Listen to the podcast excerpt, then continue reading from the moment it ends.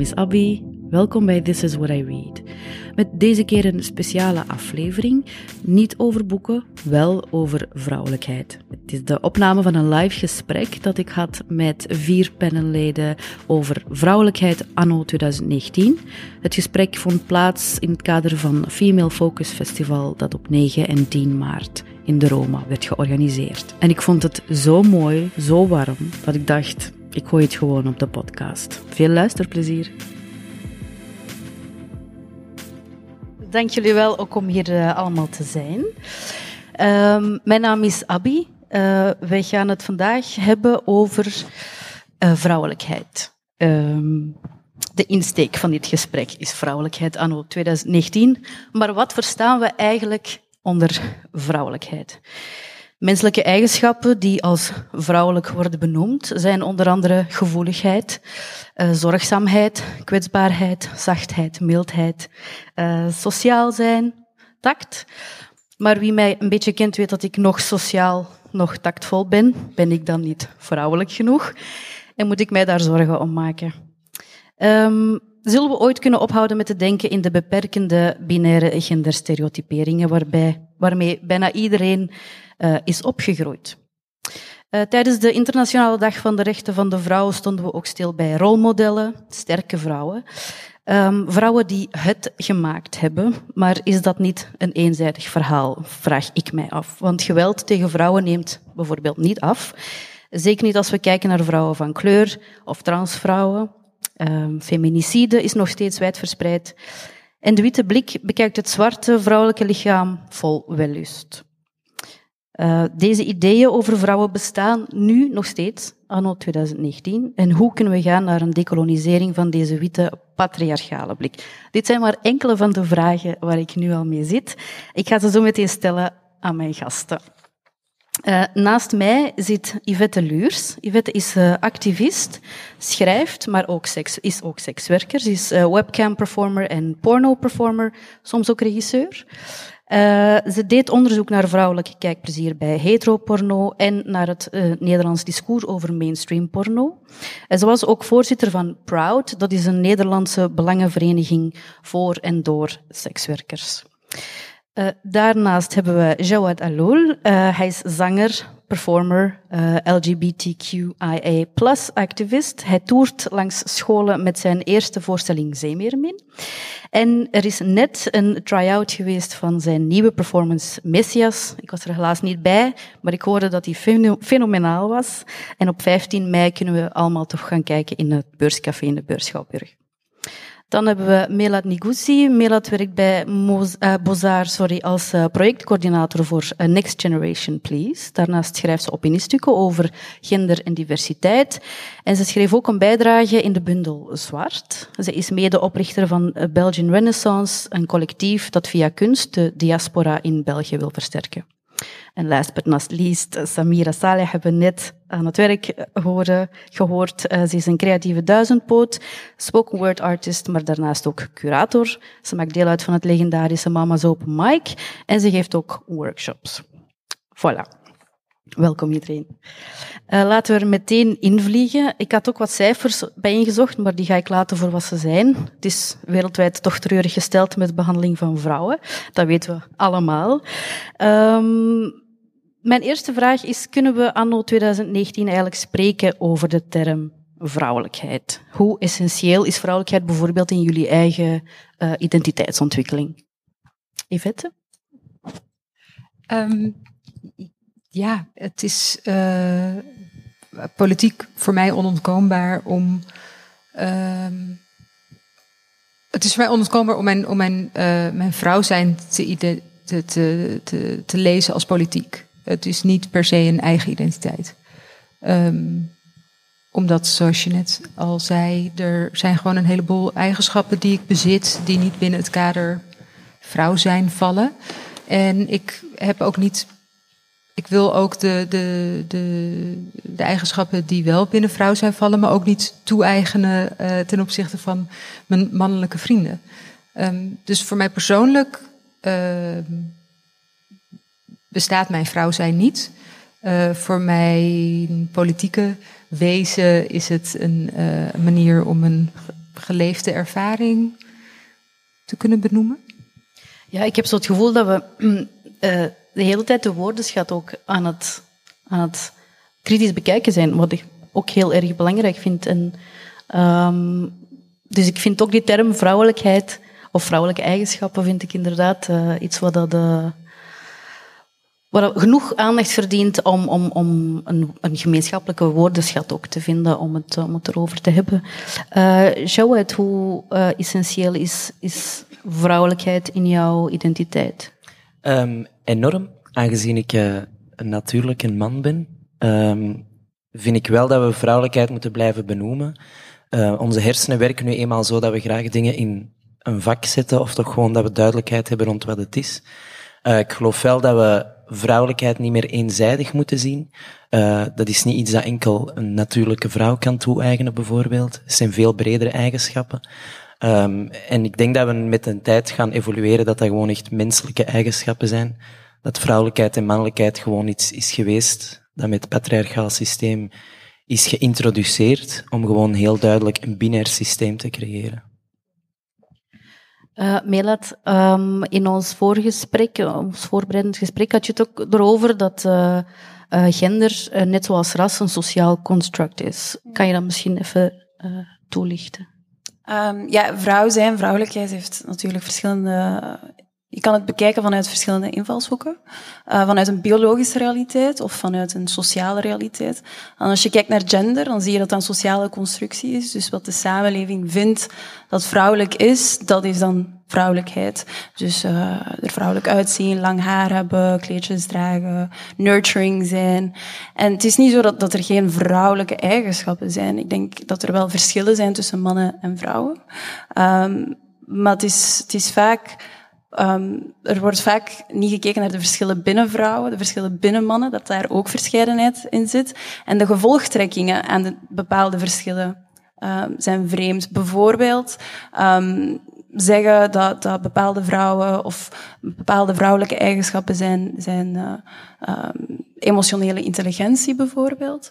En dan zeggen, omdat vrouwen emotioneel intelligent zijn, zijn ze niet geschikt om te coderen bijvoorbeeld. Zo rare gevolgtrekkingen die totaal op niks gebaseerd zijn. Dus dat, dat klaag ik aan. Van, ik zeg niet dat, dat vrouwen en mannen in elk opzicht hetzelfde zijn, maar de, de rare kronkelwegen of de rare gevolgtrekkingen zijn, zijn uh, op helemaal niks gestoeld of helemaal niks gebaseerd. Ja, daar gaan we straks nog even verder uh, op door. Samira, wat betekent vrouwen zijn of vrouwelijkheid voor jou?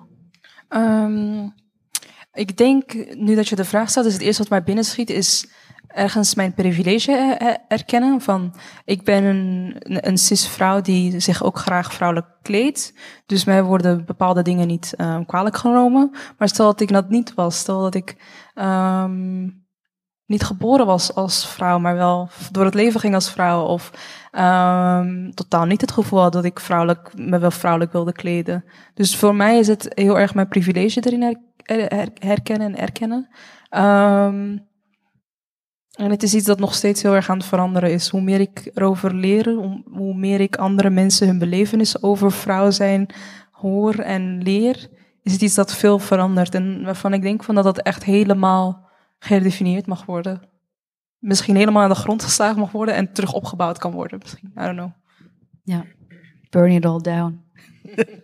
um, nee, maar we staren ons wel uh, te veel ook blind op die onderverdeling. Hoe, als de maatschappij zo is, is, uh, is opgedeeld, hoe kunnen wij op uh, kleinschalige manier beginnen met dat te beginnen te ontmantelen? Melat? Wauw. um, ja, door, uh, door gesprekken als deze. Dus door erover te reflecteren. Um, te kijken van, oké, wat is vrouwelijkheid? Wat is mannelijkheid? Wat zijn die definities? Want je moet de definities natuurlijk wel eerst kennen om ze te kunnen ontmantelen. Um, ook veel praten met mensen die zich um, als non-binair beschouwen. Ook beseffen dat inderdaad gender een sociale constructie is. En kijken naar, oké, in de samenleving welke ongelijkheden zijn er? Um, waarom is gender een sociale constructie? Wat is de functie van gender? Wat is de functie van ras? Waarom, waarom bestaat dat eigenlijk? Als het toch niet bestaat, waarom bestaat het dan wel? En dat is om bepaalde ongelijkheden in de samenleving te bestendigen, om die te laten voortduwen, om mensen te onderdrukken.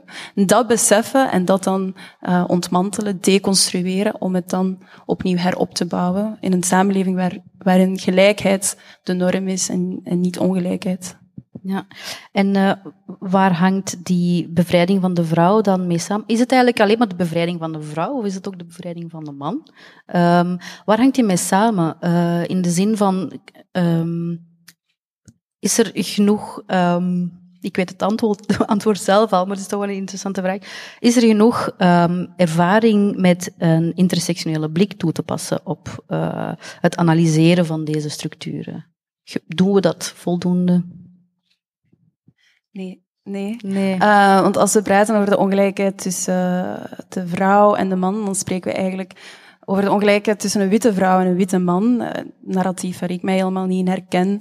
Um, dus het feminisme als dusdanig is ook niet iets waar dat ik mij in terugvind. Ik vind het heel moeilijk om van mezelf te zeggen, ik ben een feminist, terwijl witte vrouwen net wel zeggen, ik ben een feminist, omdat omdat in het feminisme, het wit feminisme, vind ik mijn standpunt niet terug, vind ik mijn narratief niet terug. Er is geen intersectionaliteit. Intersectionaliteit begon pas um, binnen het feminisme binnen te dringen nadat het geïntroduceerd werd door een zwarte vrouw, Kimberly Crenshaw. Um, dus uh, ja, het is, het, is um, het wit feminisme moet intersectionaliteit bedrijven, moet kijken naar wat maken moslimvrouwen mee, wat maken zwarte vrouwen mee. Um, en die verschillende lagen van identiteit uh, in kaart brengen. Um, een feministisch discours waarin het ultieme doel gelijkheid met een witte heteroseksuele man is, evenveel verdienen als een witte heteroseksuele man, terwijl zwarte vrouwen nog minder verdienen. Dat is iets waar ik mij niet in herken. Dat is ook geen doel dat ik wil nastreven. Mhm.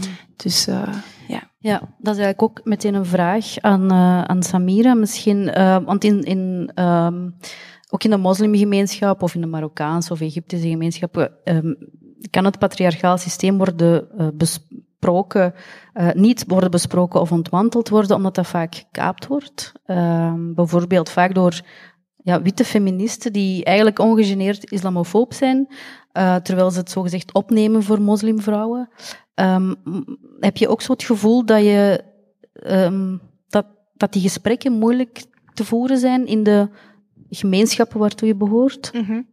Ik denk bijvoorbeeld dat um, um, het depatriarchaliseren, dat ik misschien, of die gesprekken die ik rond wil voeren binnen de Marokkaanse gemeenschap of binnen uh, Marokkaanse-Egyptische gemeenschap of de islamitische gemeenschap, dat dat moeilijk is, omdat je het wel, je wilt het erover hebben, maar je wilt geen um, gas in het vuur steken van witte feminisme, die, fe, feminisme, feministen die al een uh, reden zoeken om jou te bevrijden of, of jouw stem eigenlijk te ontnemen en al te beslissen van wat, wat jij nodig hebt. Um, om een ultiem leven te beleiden. Dus dat is iets waar ik mee struggle van. Dat, is, dat, dat zijn gesprekken, gesprekken die we misschien wel onder ons hebben en misschien wel online, maar nog steeds niet helemaal. Snap je wat ik bedoel? Dus er zijn wel gesprekken van over um, de Koran, hoe die geïnterpreteerd wordt, um, dat dat moet herzien worden, um, dat de manier waarop we bidden in het gebedshuis, dat dat uh, alle, alles moet in vraag gesteld worden. En dat wil je dan wel doen en dan wil je ook zien of er andere mensen, andere moslims zich zo voelen. Niet enkel moslimvrouwen, moslimmannen, non-binaire moslims of LGBTQIA plus moslims. want die kunnen ook niet volledig zichzelf zijn in een moskee. En dat allemaal willen aankaarten we ermee moeite hebben, want heel Antwerpen heeft al met hun vorige Pink Campaign heel hun, niet heel, maar heel veel van hun campagne op het vuur uh, gedreven van um, moslims zijn anti-gay en stuff. Dus dat is moeilijk. Dus je wilt het gesprek wel voeren, want everybody needs to put everything into question. Maar hoe doe je dat op een manier dat je zelf nog, um, wat is het woord dat ik zoek, dat je nog zelf ownership. That you can still claim your narrative. Ja, ja. Shawad, um, ook in, in ons voorgesprek had je het over um, dat je het gevoel had dat er een gebrek was aan, aan zusterschap onder uh, uh, de verschillende groepen. De, ah, zeker en vast. Um, Ik denk ook vooral omdat wij hier in het uh, Westen, zeker België, uh, als ik zie naar uh, holieberichten, zijn wij denk ik het derde land geweest dat homohuwelijk gaat toegelaten. We zitten echt wel bij een van de meest progressieve landen als het op vlak van rechten komt. waardoor dat we nu als maatschappij een beetje zijn geschoten in hun wij zijn zo progressief. Um, waarom doet de rest nu niet even snel mee als ons? Uh, en voor mij is dat soms een heel uitdagende positie, omdat ik islamitisch ben opgevoed. Um, en ook gewoon dat bespreekbaar maken in de islam. Um, en dat is ook denk ik waarom dat ik mijn uiting van mijn vrouwelijkheid dikwijls uitvergroot. Omdat er in onze maatschappij is er ook nog altijd is die niet zo progressief. Want als die zo progressief zou zijn als die zegt dat die is, dan zou ik bij wijze van spreken over de mer zo kunnen lopen. En dan krijg je altijd de reacties, ja, maar het is toch een bepaalde groep. En dan denk ik, ja nee, laat ons toegeven aan elkaar dat er gewoon nog altijd heel veel onwetendheid is rond gender, rond seksualiteit. Um, en niet het toe-eigenen naar één groep, omdat nu eenmaal die groep gewoon ja, een, een, een langere inloopperiode of zo heeft. Ik bedoel, ik heb vrienden die 50, 60 jaar zijn, die in de jaren 80 hier in Antwerpen op de struit werden uitgescholden omdat ze homo waren. Dus, mm. En dat is nog maar 40 jaar geleden, 30, 40 jaar geleden. Dus ik denk dat we als maatschappij zeker moeten leren om niet te gaan beginnen wijzen met de vinger, uh, alsof dat wij het warm water hebben uitgevonden, terwijl dat eigenlijk, ze mm. hebben het net onszelf aangeleerd. Dus, uh, en hetzelfde is met feminisme. Mm. Hetzelfde is dat we, we gaan moslims bekijken alsof dat ze vrouwen onvriendelijk zijn. Maar eigenlijk ken ik ook heel veel Vlaamse vrouwen die gewoon aan de haard moeten zitten en ook niet echt te veel moeten gaan beginnen eisen thuis. Dus dat is, ik vind dat heel dubbel. Ja, en ik, ik vind het zelf ook, ik, ik worstel zo een beetje mee met het, uh, het waar, het, het, wacht, hoe moet je dat zeggen, het niet kunnen duidelijk maken aan mensen hoe fout hun denkwijze is. Ik vind dat een van de meest vermoeiende dingen om te doen. Ik weet niet hoe dat jullie daarmee mee omgaan, of, of dat jullie daar tips voor hebben voor mij. Zero fucks given. nee, ik moet zeggen, um, mijn uh, scholenproject, ik heb nu met 7000 leerlingen gesproken, en het is echt gewoon, het zit in ons denken, um, dat binair systeem zit echt gewoon zo vastgeroest. Um, maar daar ook op die scholen, het is niet één groep die zo denkt. Het is echt, ja, je kunt je vinger daar niet op wijzen. Het is gewoon, denk mensen die niet in contact komen met een bepaald onderwerp, um, gaan dan ook niet de moeite doen voor dat onderwerp te begrijpen. Of, of, en het komt vooral ja, daardoor een beetje. Uh, maar ik zei daarnet ook, denk ik, tegen iemand in de kleedruimte, dat ik vind dat we ergens moeten oppassen, want we zitten in een heel kritische tijd, maar ik vind ook een heel waardevolle tijd. Um, en er is heel veel onwetendheid, maar eigenlijk als er een oprechte vraag komt van iemand, ook al is die vol gelaaien met onwetendheid, ik kies dan altijd om voor begrip te gaan, omdat het feit dat die persoon... anders dan zero fucks given. Ja, maar jawel, want ik vind, als ik daar een punt van ga maken, omdat die persoon een onwetende vraag stelt, I'm giving a fuck. Tegenover, ik heb zoiets van, ja, die persoon weet het echt gewoon niet. En het feit dat hij al de vraag durft stellen, mm moeten wij ook gewoon ergens toegeven aan onszelf van oké, okay, ik zal het u dan uitleggen hoe dat het in elkaar zit. Want het is, allez, we krijgen niet de informatie. We horen dikwijls ook gewoon discussies, maar wat is eigenlijk de juiste informatie? Ja. Um, de vraag is straks ook voor jou, maar uh, Yvette, um, ik wil het eigenlijk ook met jou eens even hebben over um, je werk. Uh, ik zei het er net al, je bent uh, webcam performer en um, porno performer. het is misschien een beetje een bizarre vraag, maar perform je ook vrouwelijkheid in je werk dan? Ja, ja dat doe ik. Ik wil heel graag nog heel even reageren op wat je zei, omdat ik het zo herken en ik, ik weet dat ik wit ben en dat ik me identificeer als feminist, maar als, uh, als sekswerker uh, uh, worden we. Uh, nou ja, de, de, de sekswerker community is ook heel erg verdeeld. Van kunnen we wel het over, kunnen we ons wel identificeren als feminist? Kunnen we het wel hebben over de dingen waar het echt over gaat? Want um, ook daar. Uh, ja, er is gewoon een, een, standaard en die is niet voor ons. Um, en ik vind het in, ja, ik ben me daar natuurlijk op zich wel van bewust, maar het is, um, het is zo giftig. Dat, het witte feminisme is zo giftig. Um, dat gezegd hebbende, ehm, eh, ja, ik, ik, eh, ik ben me denk ik ook door mijn werk veel meer eh, bewust geworden van, eh, van de, eh, de performativity van mijn, van mijn vrouwelijkheid. Omdat ik, ehm, nou ja, het werkt. Ehm, ik, ik kan het gewoon zien in hoeveel ik verdien als ik in mijn high fam eh, magic eh, zit. Of wanneer ik in mijn, mijn, mijn, queerige zelf eh, ben. Ehm, nou wil ik niet fem ontqueeren, maar dat is, wordt een hele andere discussie. Maar ehm, ik, eh, ja, ik, ik ben me stukken bewuster geworden van, van hoe die vrouwelijkheid werkt. Ehm, echt als een, als, een, eh, als een op zichzelf staande kwaliteit.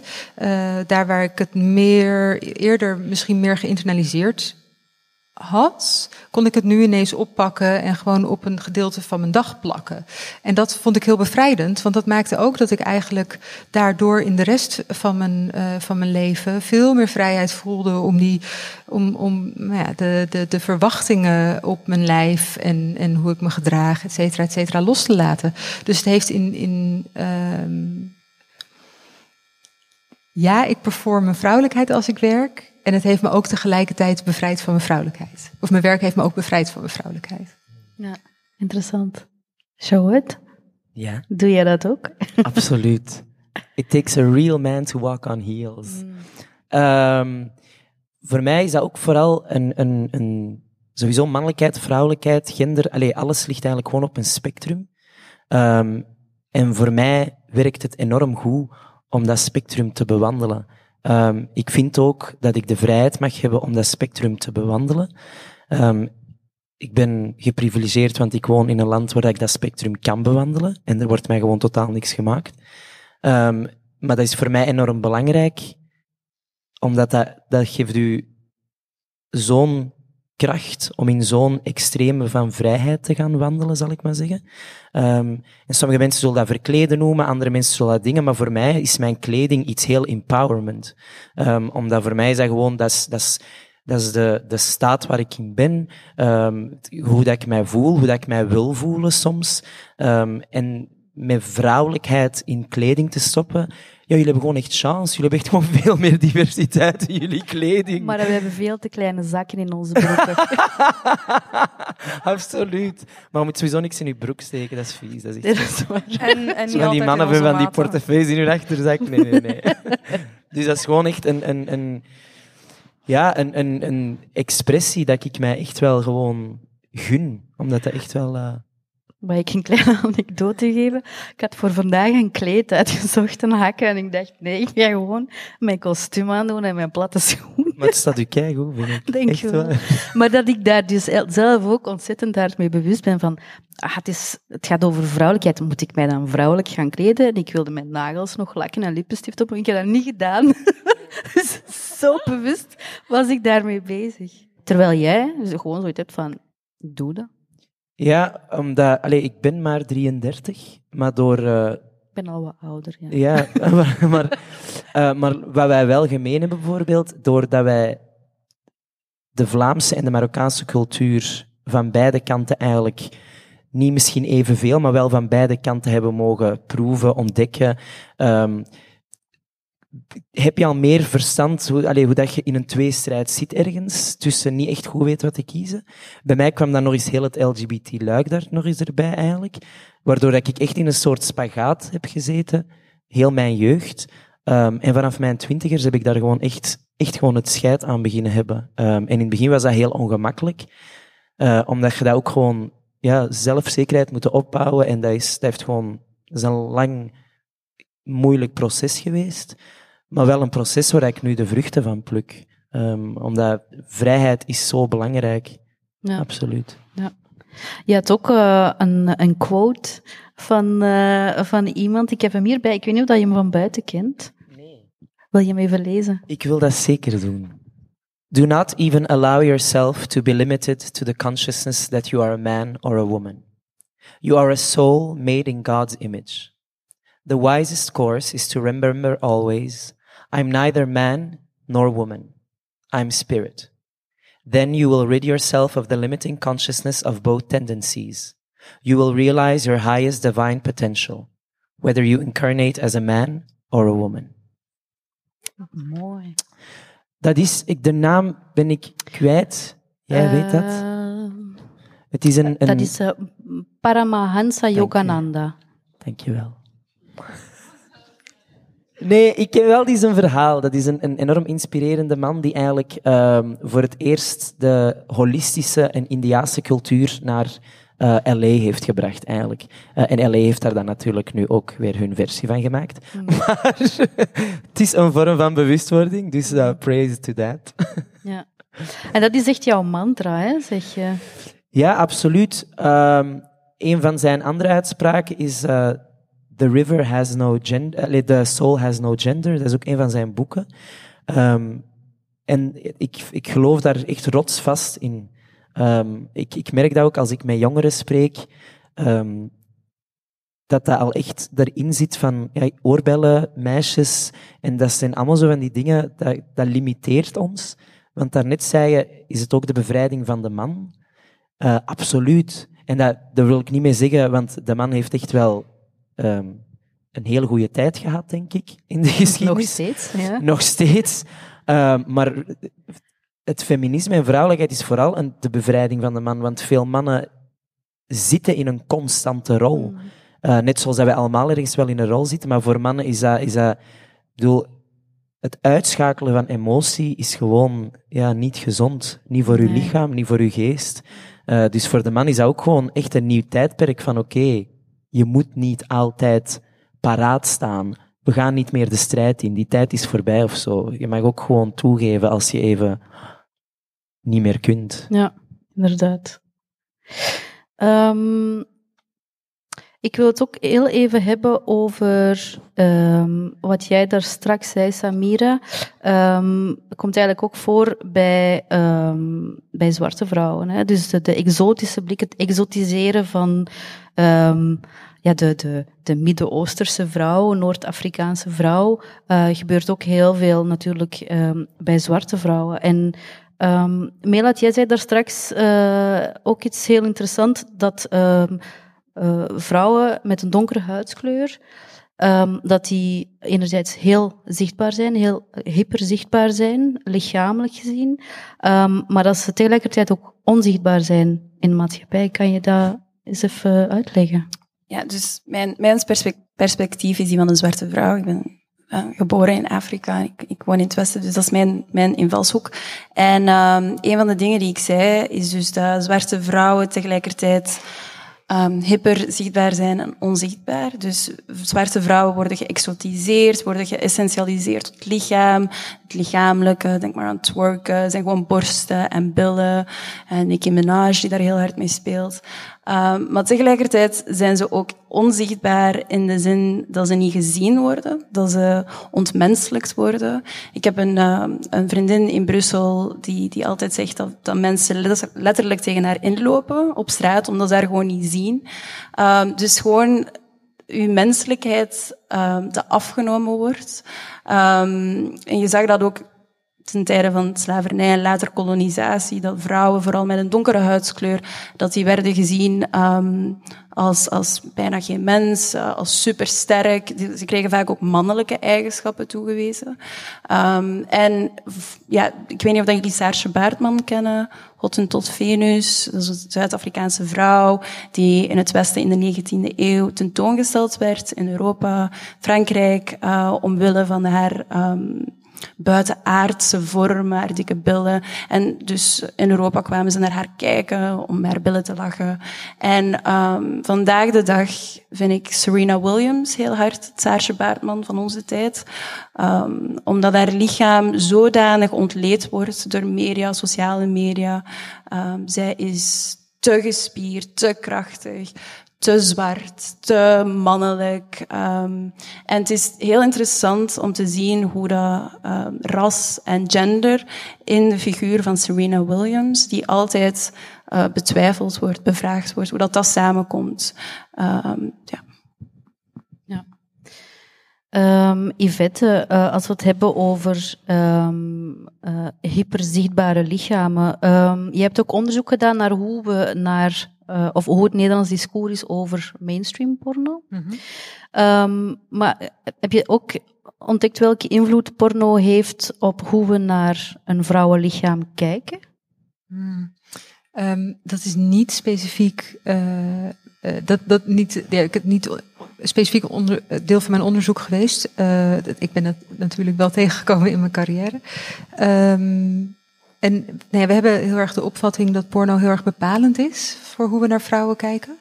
Um, terwijl we niet per se kunnen aantonen dat uh, een Hollywoodfilm niet net zo uh, uh, slecht is voor je beeldvorming. Um, en ik denk ook dat we, um, dat we dat in alle vormen van media zouden moeten, moeten bekijken of bevechten. Um, ik denk dat er binnen porno, we hebben, we hebben een bepaald idee van wat een mainstream porno is. En dan zien we vaak, uh, we denken vaak aan een, een witte blonde vrouw met grote borsten die uh, zijn uh, met, met siliconen extra groot zijn gemaakt. geen haar. Um, um, en, en heel erg, um, nou ja, gewillig misschien nog niet eens, maar heel erg beschikbaar voor penetratie. En dat beeld, dat eerst, die eerste image, dat is niet per se de realiteit van wat we, wat, we, wat we tegenkomen in porno. Ik denk dat we binnen porno misschien wel een veel uh, bredere representatie van vrouwelijke en ook mannelijke lichamen hebben. Mannen is wel wat lastiger, omdat die toch vaak gereduceerd worden tot een penis. Um, maar um, binnen porno zien we. Um, is er eigenlijk meer ruimte voor, voor het niet het niet gestandaardiseerde witte, witte lichaam, omdat er ook ruimte is voor, uh, voor dikke vrouwen. We, um, vaak wordt het binnen de mainstream, binnen de mainstream wordt het absoluut gefeticheerd. Ja. Uh, maar daarmee zouden we, als we alleen maar daarnaar kijken, zouden we een hele uh, long tail, uh, een, hele, een heel, heel breed scala aan, uh, aan queer porn, alternative porn, amateur porn dismissen. En um, dat is wel wat, wat mensen kijken, wat mensen consumeren. Um, er is, denk ik, binnen porno meer diversiteit aan lichamen en, en seksuele handelingen te vinden dan we in de mainstream zien. Ja, en ik heb ook daarnet even opgevangen dat uh, in porno vrouwen meer betaald worden dan mannen. Ja, over het algemeen wel. Zeker in de mainstream um, worden, worden vrouwen uh, meer betaald dan mannen. En um, soms, soms worden mannen helemaal niet betaald, omdat het voor hen wordt gezien als dat is iets wat je leuk vindt.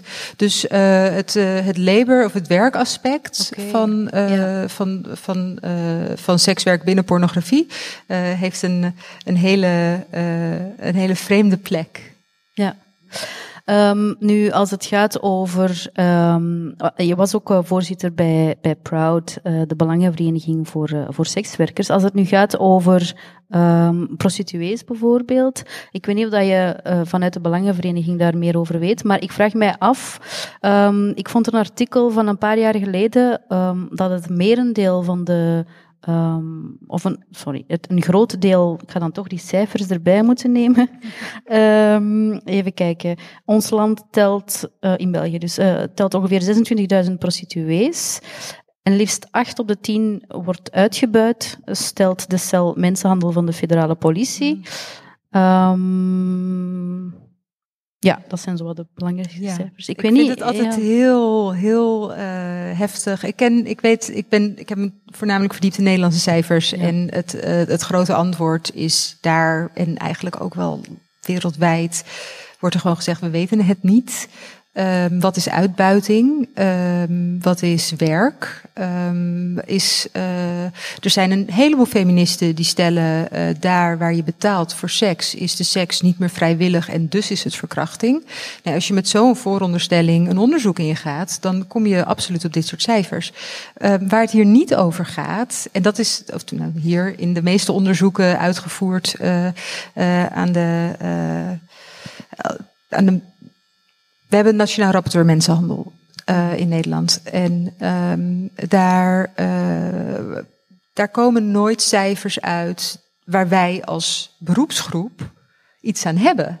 Het gaat nooit over um, uh, in hoeverre um, zijn mensen in staat om hun eigen werk, hun eigen arbeidsvoorwaarden vorm te geven. In hoeverre zijn ze in staat om uh, zich te verdedigen uh, als er eens een keer wat misgaat op de werkvloer. Um, in Nederland is het zo dat als je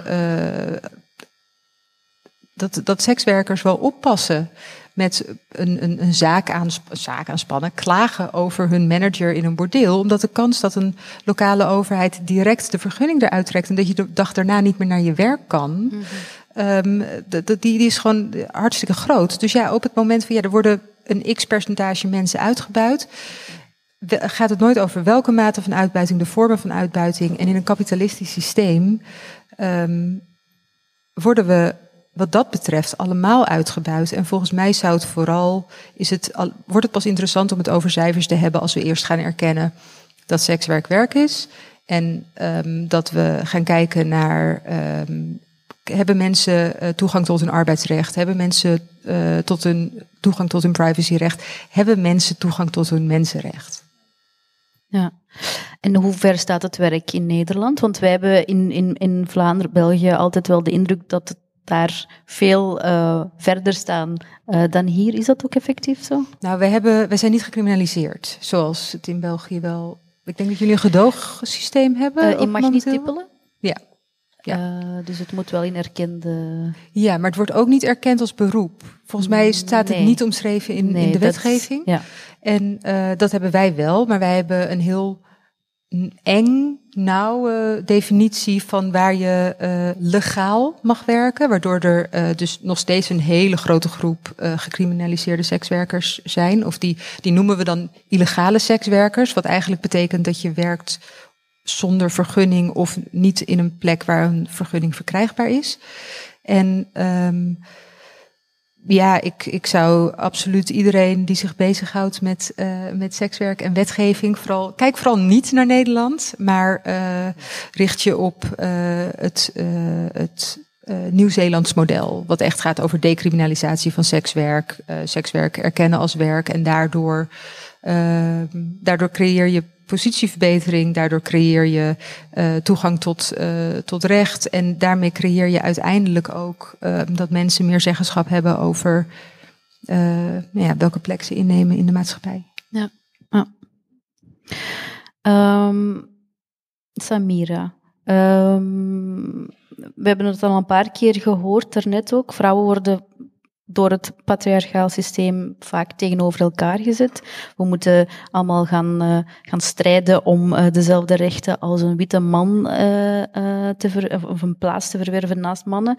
Um, als wat als hoogste doel moet zijn. Er, ervaar je dat ook zo in de, in de spoken world, spoken word wereld? Word. nieuwe termen voor.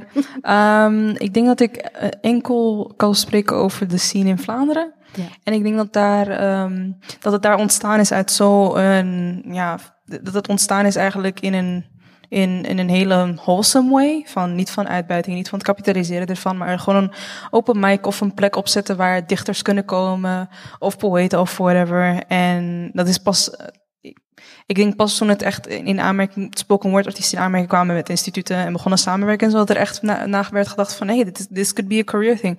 Maar het is zo, again, zo wholesome, dat het echt al one love, in de bubbel waar ik uh, in zit. Want ik zit bijvoorbeeld niet in de witte, po poëzie scene uh, in, in Antwerpen of Vlaanderen. Uh, maar ik denk waarin ik, waar ik in zit, is echt wel een bubbel waar toch geprobeerd wordt, waar er een visie is uh, om iedereen welkom te heten. Dus dat spoken word voor iedereen is, een tool is voor iedereen, um, dat het heel democratisch is en dat iedereen zijn zegje mag zeggen vanuit hun positie, vanuit hun um, um, manier waarop ze door het leven gaan. Dus daar merk ik niet echt van, oh, dat ik een vrouw ben, een vrouw van kleur. Ik denk dat dat soort of wordt gekeken vanuit een positie perspectief van, oh, je hebt, hoe meer intersecties je hebt, hoe meer, hoe meer trauma's je hebt, wat je dan kan verwerken in je teksten. Dus dat is problematisch. Maar het is nog niet zo erg dat je daar echt een persoonlijk probleem mee hebt. Maar waar het opeens wordt gezien is als, als iets positiefs. Ehm, ik denk dat bijvoorbeeld in Amerika heel veel van die poëten, toen ik daar was en ehm, in San Francisco naar een wedstrijd ging waar jongeren vanuit, vanuit heel Amerika naartoe konden, echt tieners, dat de mensen met de meest sterkste teksten, dat dat tekst, teksten waren van mensen of tieners van kleur, um, die het hadden over hele zware onderwerpen, over seksueel geweld, uh, trauma's, racism, discrimination.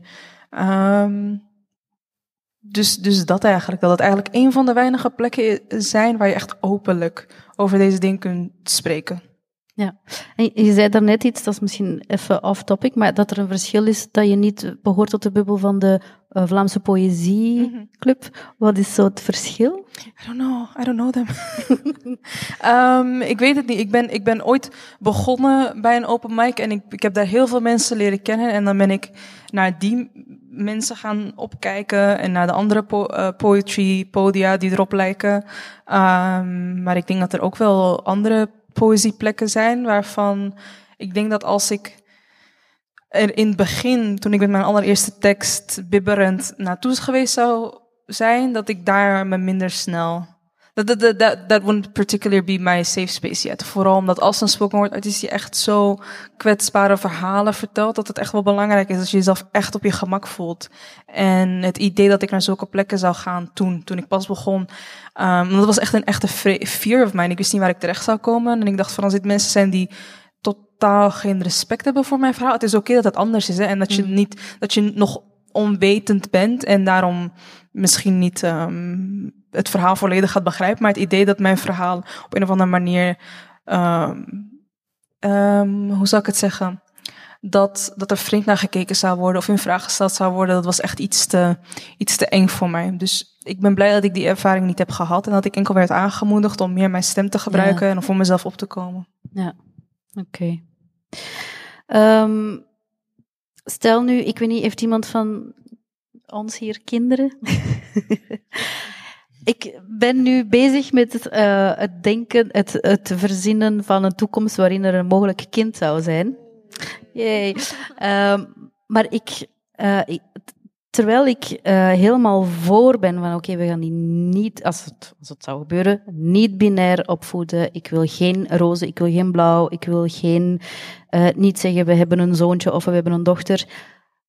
Ik, ik ken weinig mensen die dat ook effectief kunnen doorvoeren later. Dus ik, ik, ik vraag mij gewoon af, omdat wij ook in het gesprek, een voorgesprek hebben van, we zijn er allemaal voor, we, willen dat, we kennen de theorie, we weten waarom het belangrijk is. Maar hoe doe je dat concreet? Want het is, je leeft in een gemeenschap of een maatschappij die gewoon niet zo denkt. Nog niet.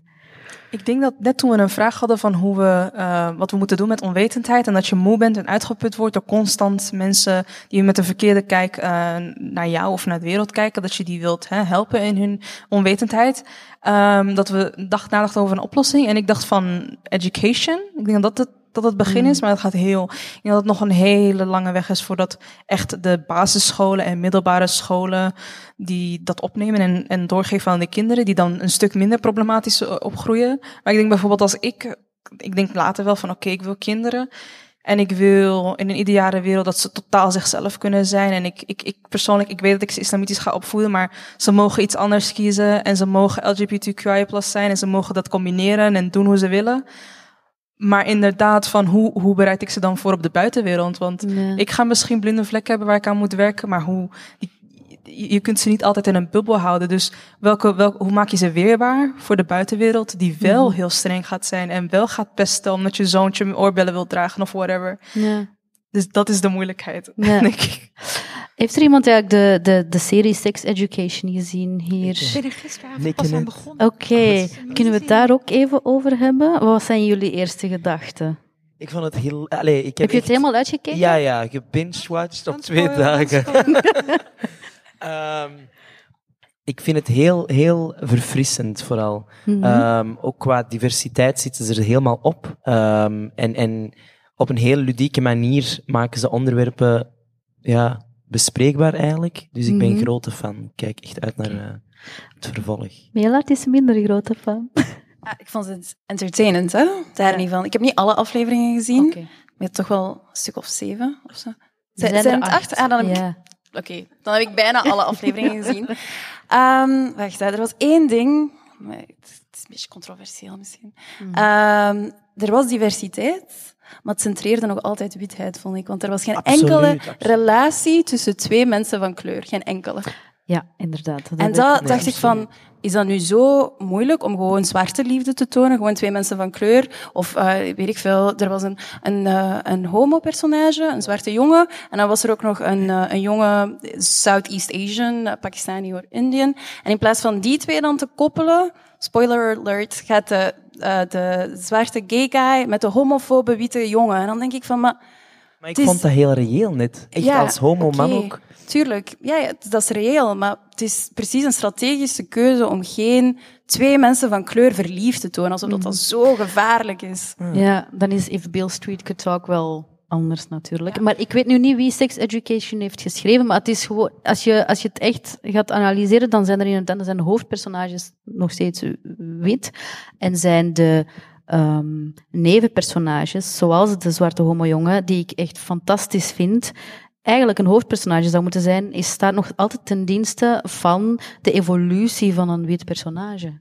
Een De- hoofdpersonage. Het, de hoofdrelatie is de relatie tussen de twee witte personages. Hè? Dat, Ja. dat is het. En dan denk ik van, oké, diversiteit, top. Maar wat voor diversiteit? Als je nog altijd witheid centraal stelt, dan is dat voor mij geen diversiteit. Kleur toevoegen aan een wit systeem is nog altijd een wit systeem. Maar ik heb ook het gevoel dat de eh, reeks zich meer eh, op genderdiversiteit eh, toespitste. En dat er natuurlijk ook wel etnische diversiteit was. Ehm, en ik, ik wil daar heel veel negatieve dingen over zeggen, want ik ben heel kritisch, maar ik ben ook wel blij dat dit eindelijk aan het gebeuren is op zo'n mainstream platform als Netflix. Ehm, wat ik hoop dat er eh, gaat gebeuren, is dat er gewoon meer van dat soort dingen gemaakt gaan worden door de mensen zelf natuurlijk. Ja, en als ik toch even kort, omdat de, de, voor mij zijn de homo-personages wel mijn narratief. Ehm, en eh, exotisme is in eh, homocultuur, geloof mij, nog van een gradatie. Dat is echt gewoon unbelievable.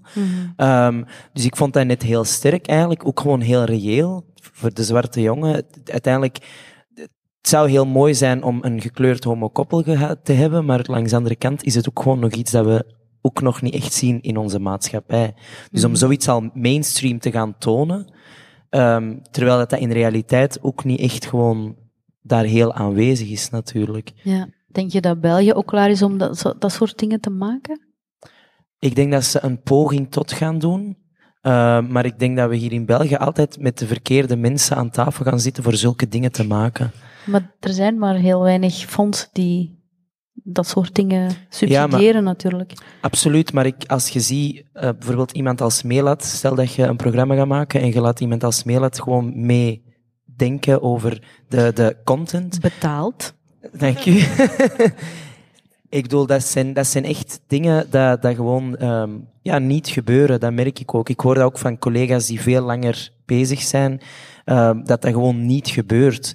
Um, en dan achteraf, als ze dan ja, feedback krijgen dat het niet goed genoeg was, niet credibel genoeg, niet, niet geloofwaardig, dan vind ik ergens, ja, je kunt dat eigenlijk voor zijn, want we zitten echt momenteel weer die kritieke tijd, maar ook waardevolle tijd, met mensen die zoveel kennis rond het onderwerp hebben. Ja. En dat gebeurt Jij wilde ook iets zeggen, Yvette.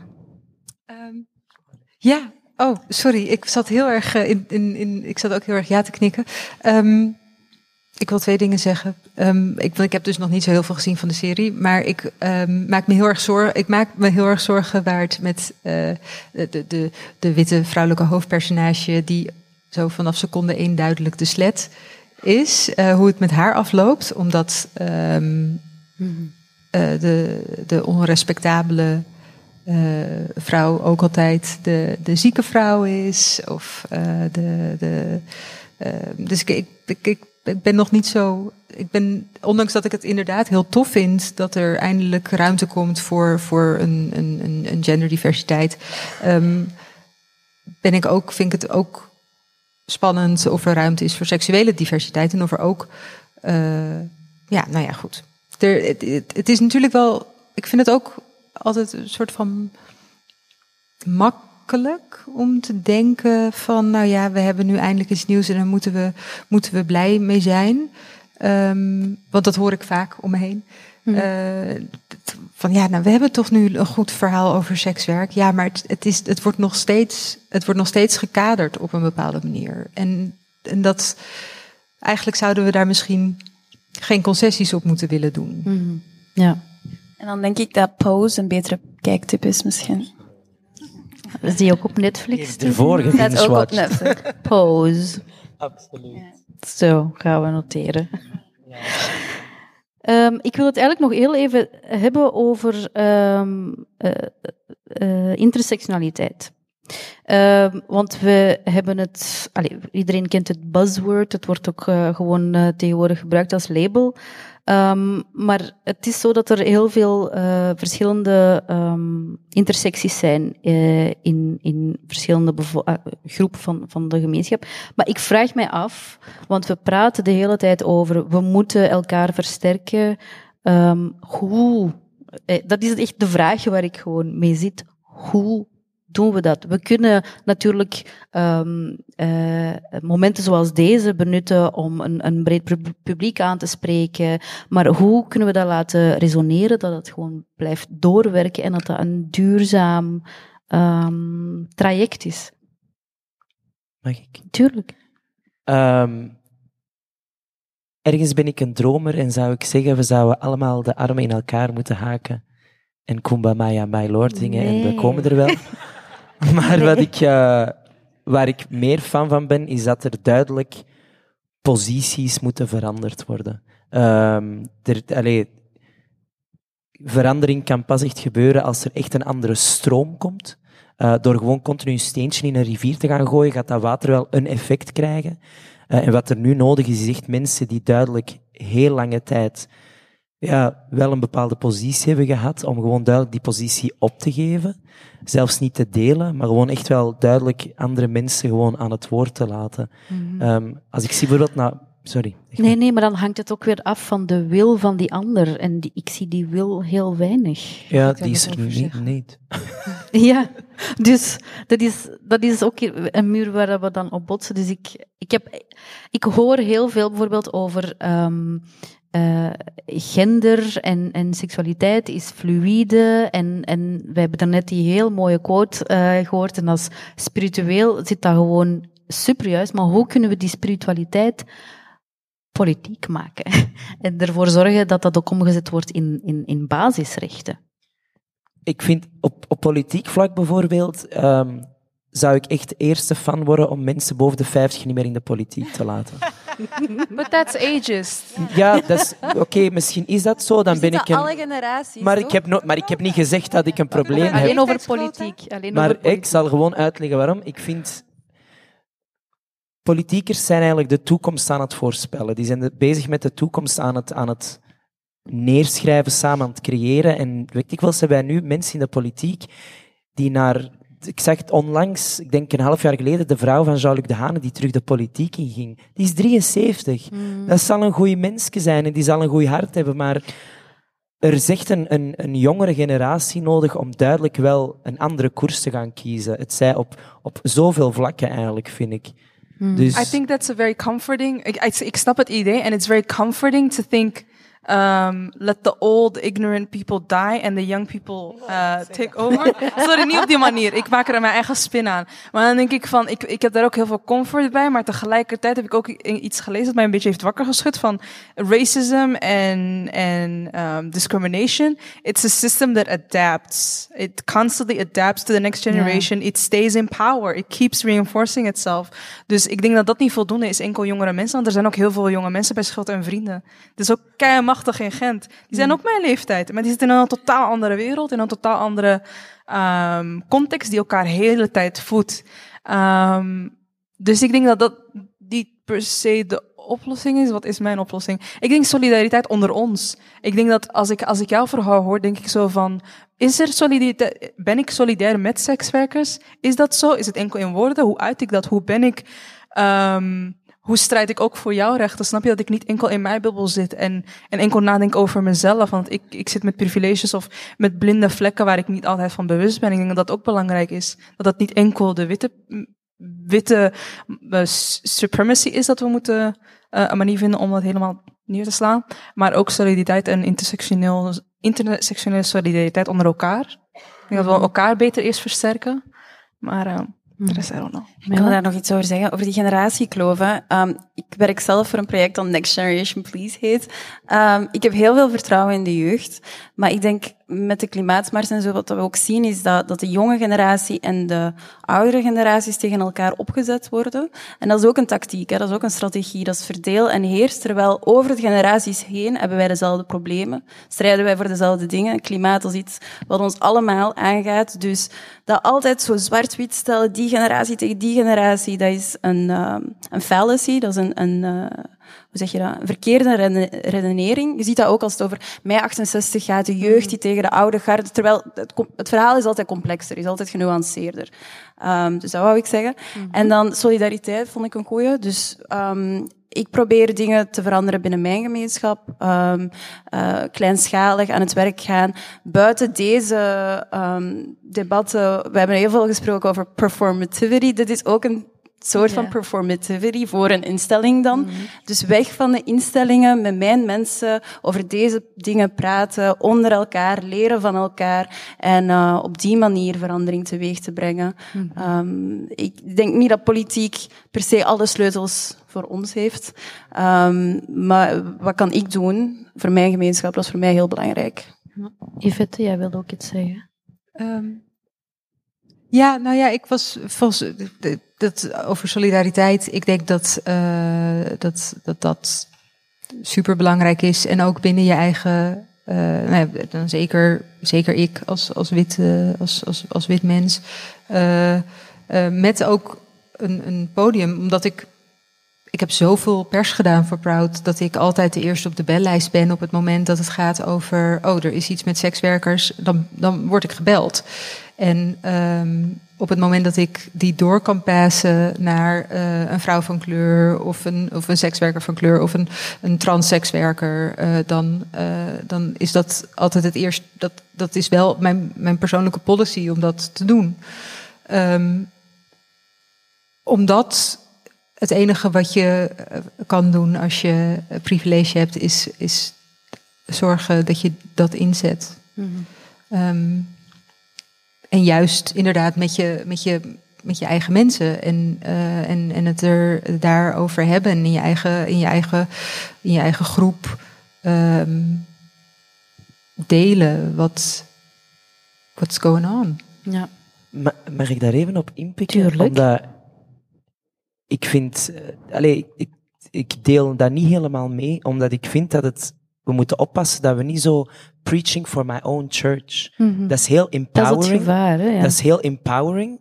Uh, voor mij, ik gebruik dat ook als mijn tankstation, um, om bij mijn mensen gewoon te delen van oké, okay, ik heb deze meegemaakt, jij deze, en hoe dit en hoe dat en dat. Voor me kan er rijker te maken eigenlijk. Maar in ervaringen rijker worden is net, als ik zie naar mijn werk, echt naar middelbare scholen gaan, met 15-jarigen praten over seksualiteit, over religie, over die onderwerpen.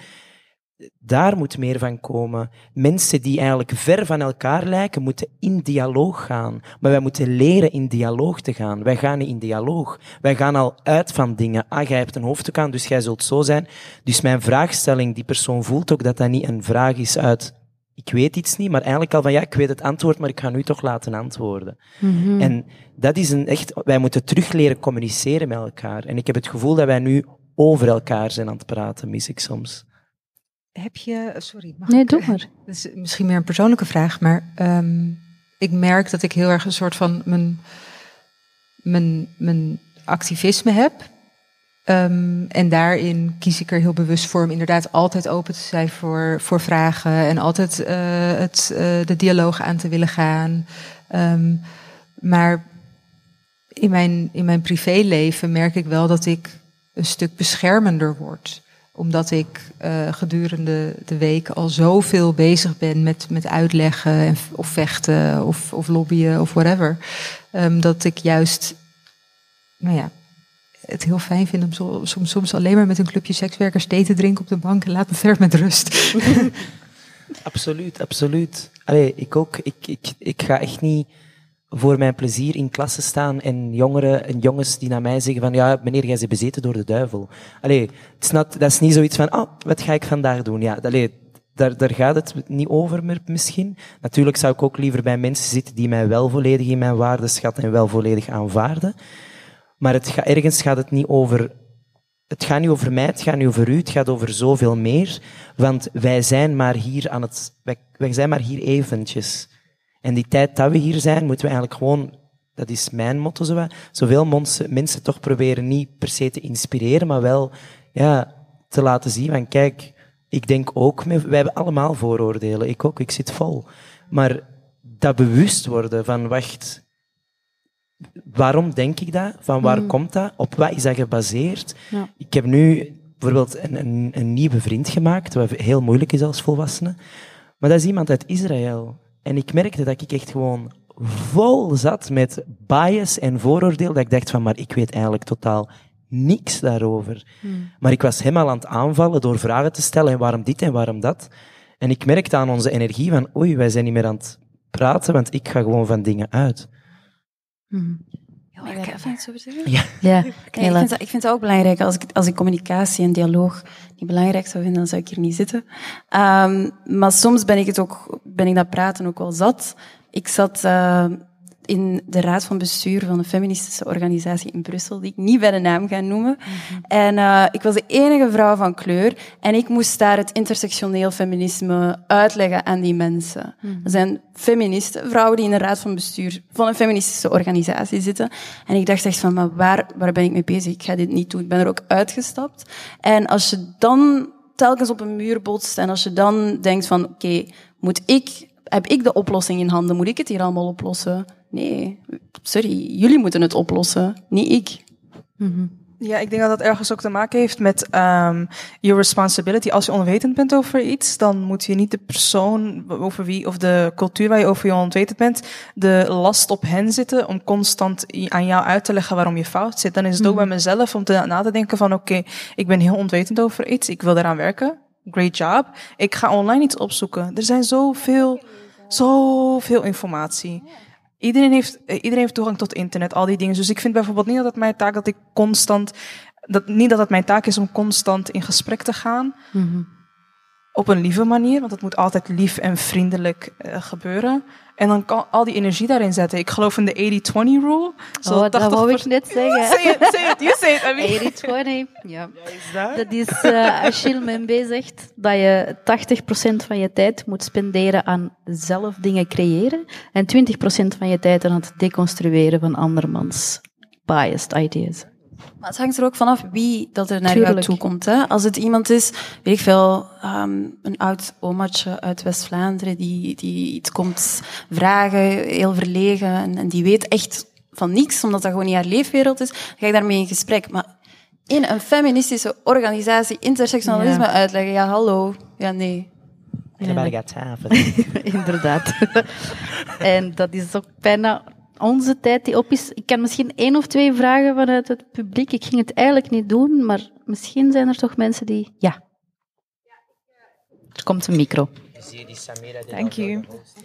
Um, ja, dus ik wou mijn vraag eventjes um, in een, een, kader zetten. Um, ik denk dat het heel belangrijk is, of ik vind het heel belangrijk om te beseffen dat activisme op verschillende niveaus zit. En dat we evengoed de mensen nodig hebben die heel luid op de barricade staan en heel ja, het, het uitleggen ook. En heel veel mensen, um, bijvoorbeeld zelfs dat er verkeerde pronouns worden gebruikt, die direct worden uh, gecorrigeerd, dat soort dingen. Ik denk ook dat er een soort activisme is dat eerder op de achtergrond zit, die eigenlijk gewoon, ja, mensen die meegaan met wat er, um, wat er wel speelt, maar daar misschien niet zo luid over zijn.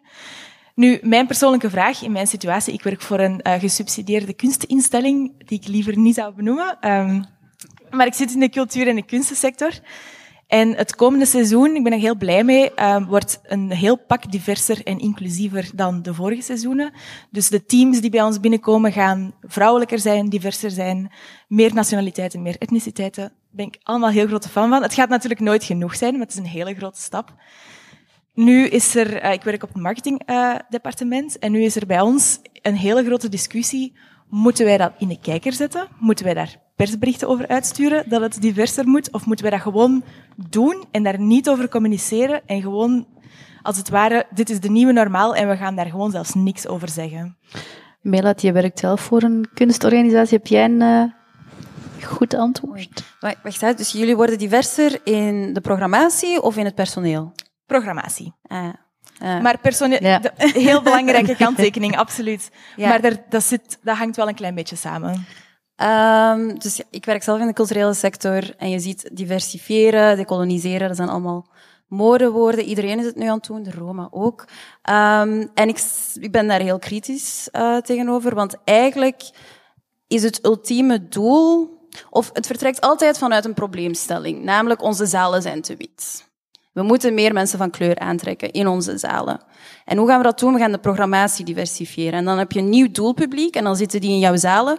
Maar dan, voor de rest doe je daar niks mee. Je verandert niet jouw personeelsbestand. Je kijkt niet naar jezelf. Je denkt niet van, oké, zijn wij eigenlijk divers? En hebben wij eigenlijk mensen van kleur? En als we mensen van kleur hebben, in welke laag van de organisatie zitten die dan? Zitten die enkel bij het kuispersoneel of zitten die ook bij de artistieke werking? En hebben die ook zeggenschap over de programmatie? En zo verder, en zo verder. Dus ik ben daar heel kritisch tegenover en ik zou dat niet in de verf stellen, want ik vind het al van in het begin al een soort van schijndiversifiering.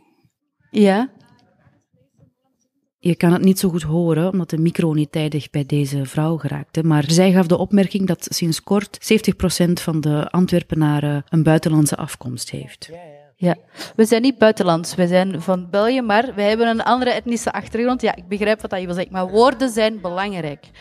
Uh, uh, ja, dat klopt.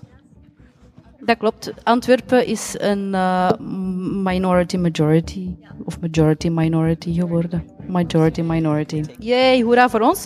Ik vrees dat onze tijd erop zit. Ik wil jullie zo meteen graag uitnodigen in de foyer, waar het optreden van uh, Zonder Wolk uh, zal starten. Maar eerst wil ik jullie van harte bedanken om hier ook te zijn. Um, en natuurlijk ook mijn gasten Yvette Luurs, Jawad Alol, uh, Melat Nigoussi en Samira Saleh. Geef ze een applaus. Dankjewel. En Abi natuurlijk. Applaus voor onze fantastische host. De deuren zijn open.